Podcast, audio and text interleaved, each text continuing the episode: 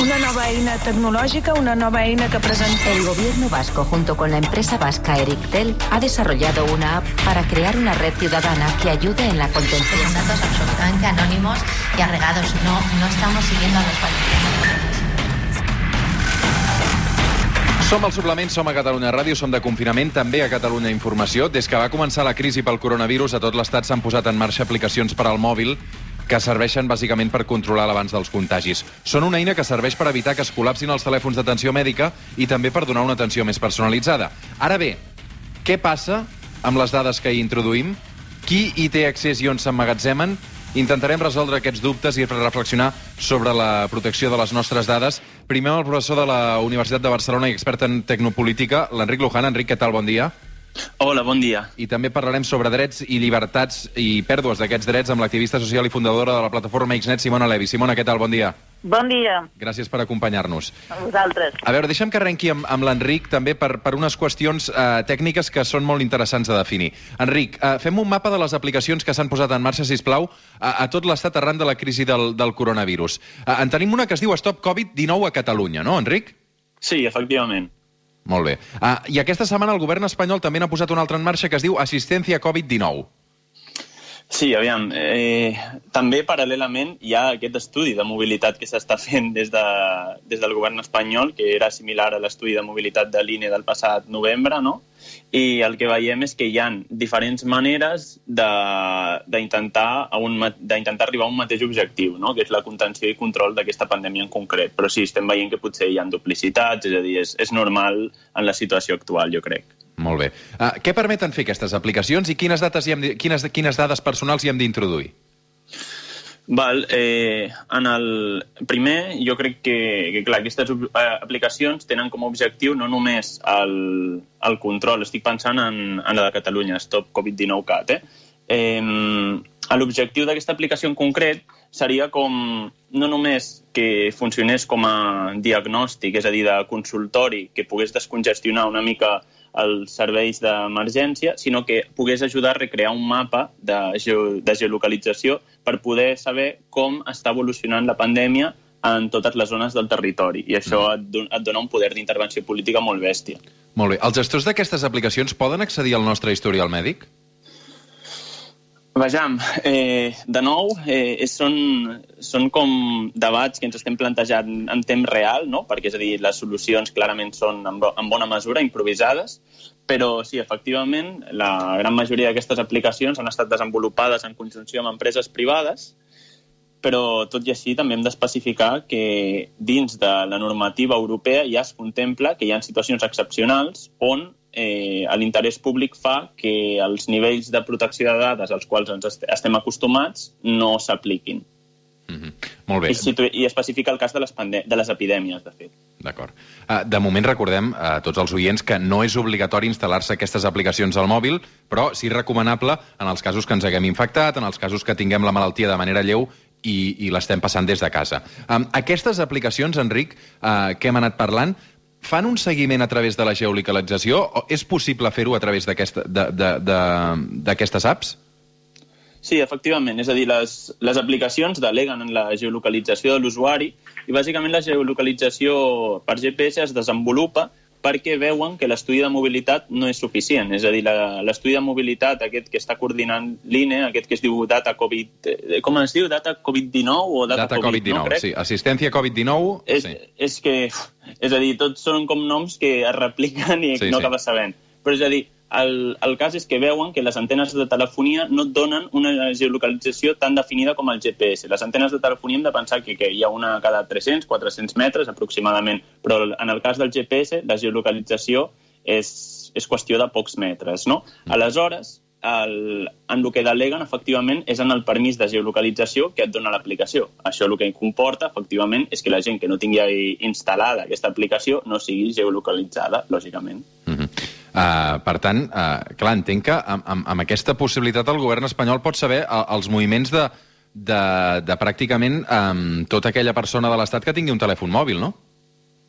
En el cas d'haver instal·lat la seva aplicació, la resposta és sí. I li hagi donat l'accés al GPS? La resposta és sí. Mm, D'acord. Uh, de seguida torno amb tu, Enric, però abans un, un, un parèntesi d'això que estem parlant.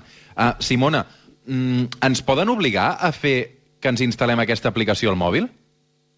Bueno, jo, jo tinc tota una, una sèrie de dubtes sobre, sobre el que estem comentant, perquè eh, o sigui, ens poden obligar a fer moltes coses, però això és la, la mida de la democràcia en la que estem vivint, no? Si, si ja ens comencen a obligar a, a posar-nos aplicacions, eh, ja és problemàtic, però sobretot eh, jo crec que no, no, hauríem, no hauria de, de ser necessari obligar ningú si tinguessin alguna utilitat, i el que jo dubto és la utilitat. Eh, doncs si fraccionem una mica la, la, els objectius no? que, que ens diuen que tenen aquestes eh, aplicacions, eh, mm, és on comencen les meves dubtes. Per exemple, eh, autodiagnòstic, perfecte.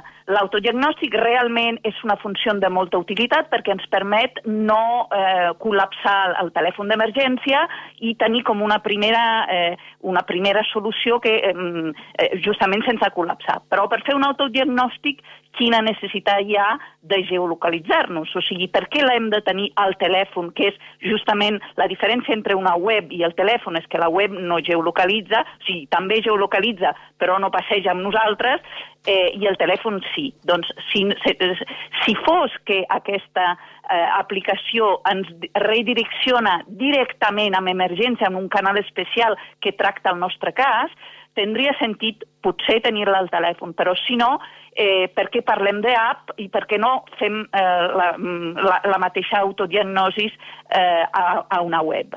Cap de les dues aplicacions de les que estem parlant eh, te, o sigui, amb dues tenen eh, també l'opció web, però sempre es parla del, de l'aplicació. I això, mm, ja per començar, eh, respon a uns interessos que segurament no són els dels autodiagnòstic. Hem de pensar que quan ens autodiagnostiquem no és, al final només ens diuen truca a, a, a urgències. Mhm. No, no, no s'obre un canal directament, no és automàtic. Doncs quan truques a urgències ja demanen totes les teves dades de on ets, de, eh, de, eh, eh, doncs per què necessitem cedir totes aquestes dades eh, anteriorment? Doncs potser la resposta és per fer un mapeig, però tampoc és això eh, perquè realment, com estem dient, primer de tot, el mapeig de, de, de les persones ja existeix amb una altra llei que es diu la llei de data retenció, per la qual cosa, efectivament, és mitjançant a les antenes, no és tan precís,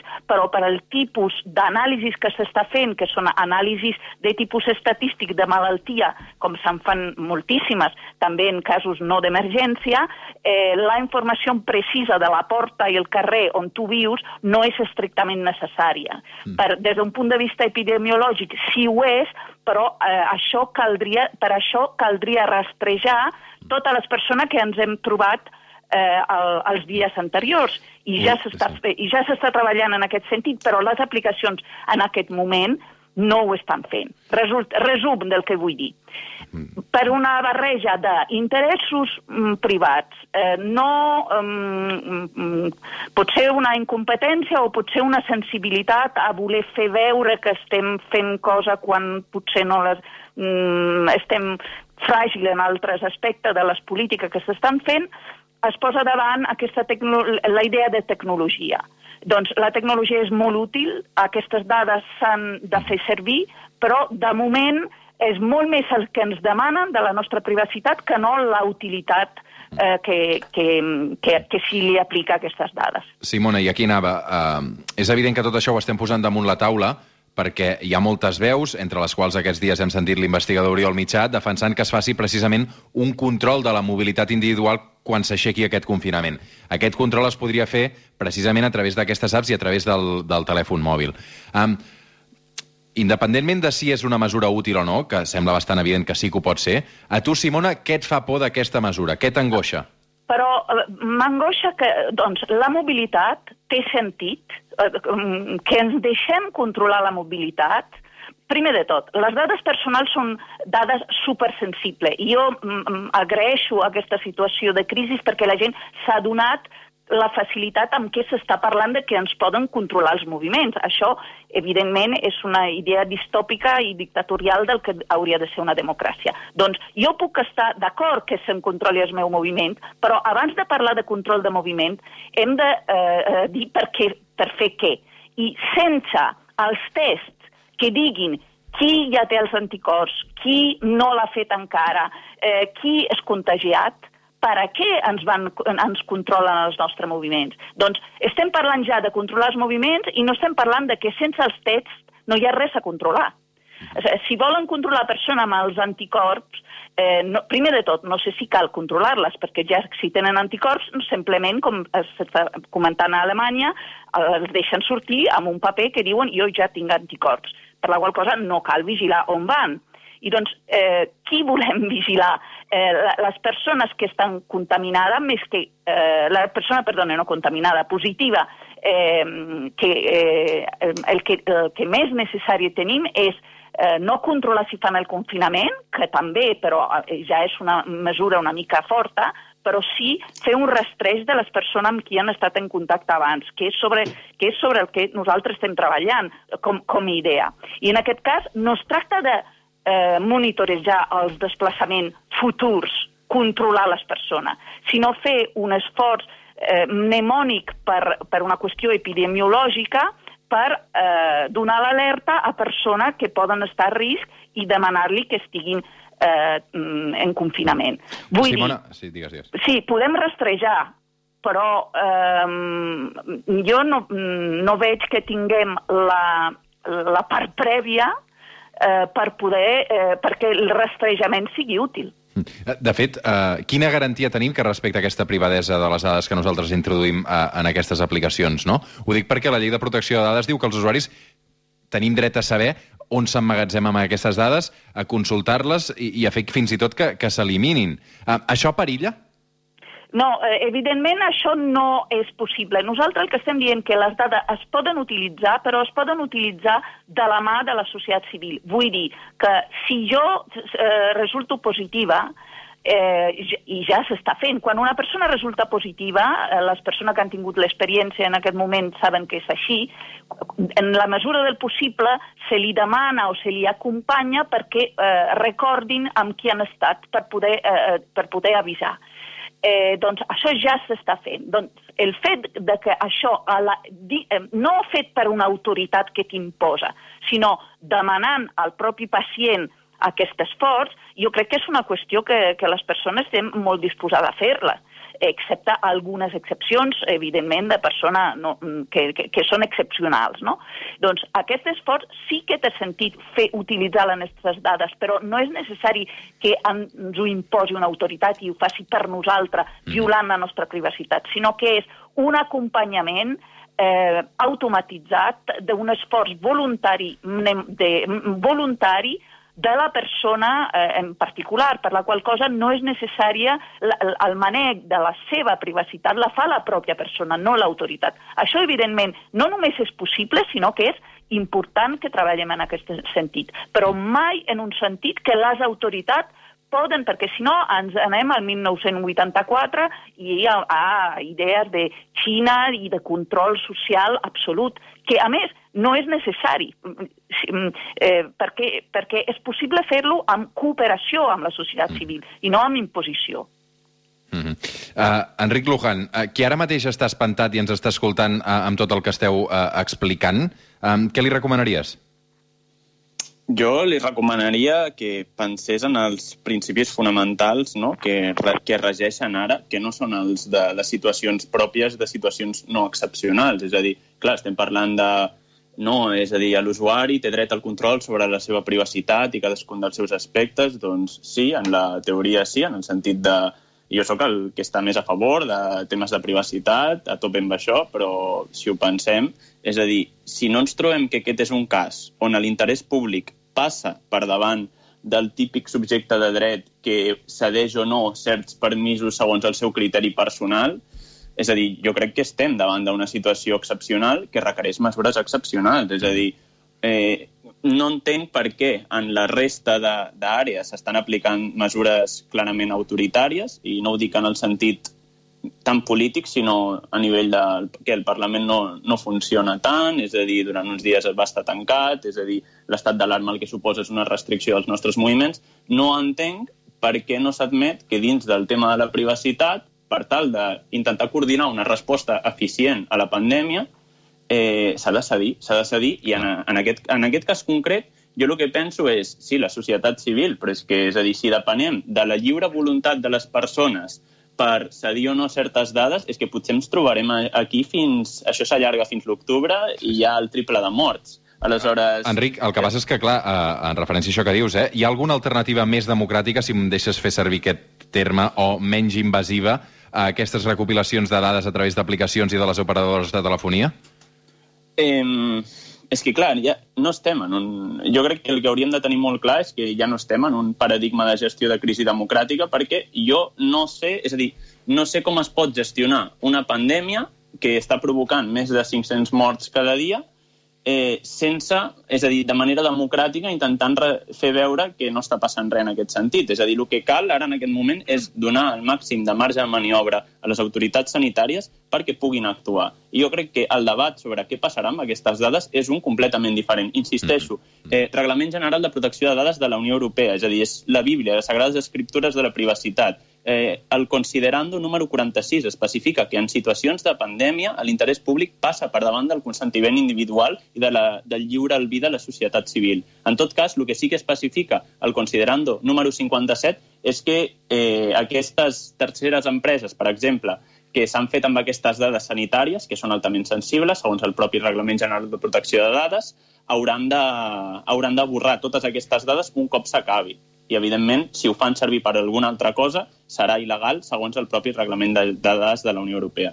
Jo, jo Simona Levi, sí, per tancar. Jo sóc una mica més optimista, perquè jo crec que, de moment, eh, això, evidentment, a veure, eh, sempre durant la, les, qüestions, les situacions de crisi els poders fàctics intenten, intenten guanyar terrenys i fins i tot fer-nos eh, acceptar coses que no acceptarien segons com, com diu la doctrina del xoc. Però jo crec que de moment no estem en una situació tan desesperada. Primer de tot, que ningú s'instal·li cap aplicació perquè si, si és per fer-se un autodiagnòstic pot entrar a la web i, eh, i pot fer-ho. L'únic defecte, defecte en el tema del, de l'aplicatiu català que necessita tenir eh, el número de, de la eh, targeta sanitària per la qual cosa les persones que no tenen no, no s'ho poden fer i això no és només un problema per elles que no, que no poden fer l'autodiagnòstic, sinó és que si, si són positives, no el poden saber i, i, o sigui, hi ha una discriminació ja eh, en el funcionament d'aquest aplicatiu que no facilita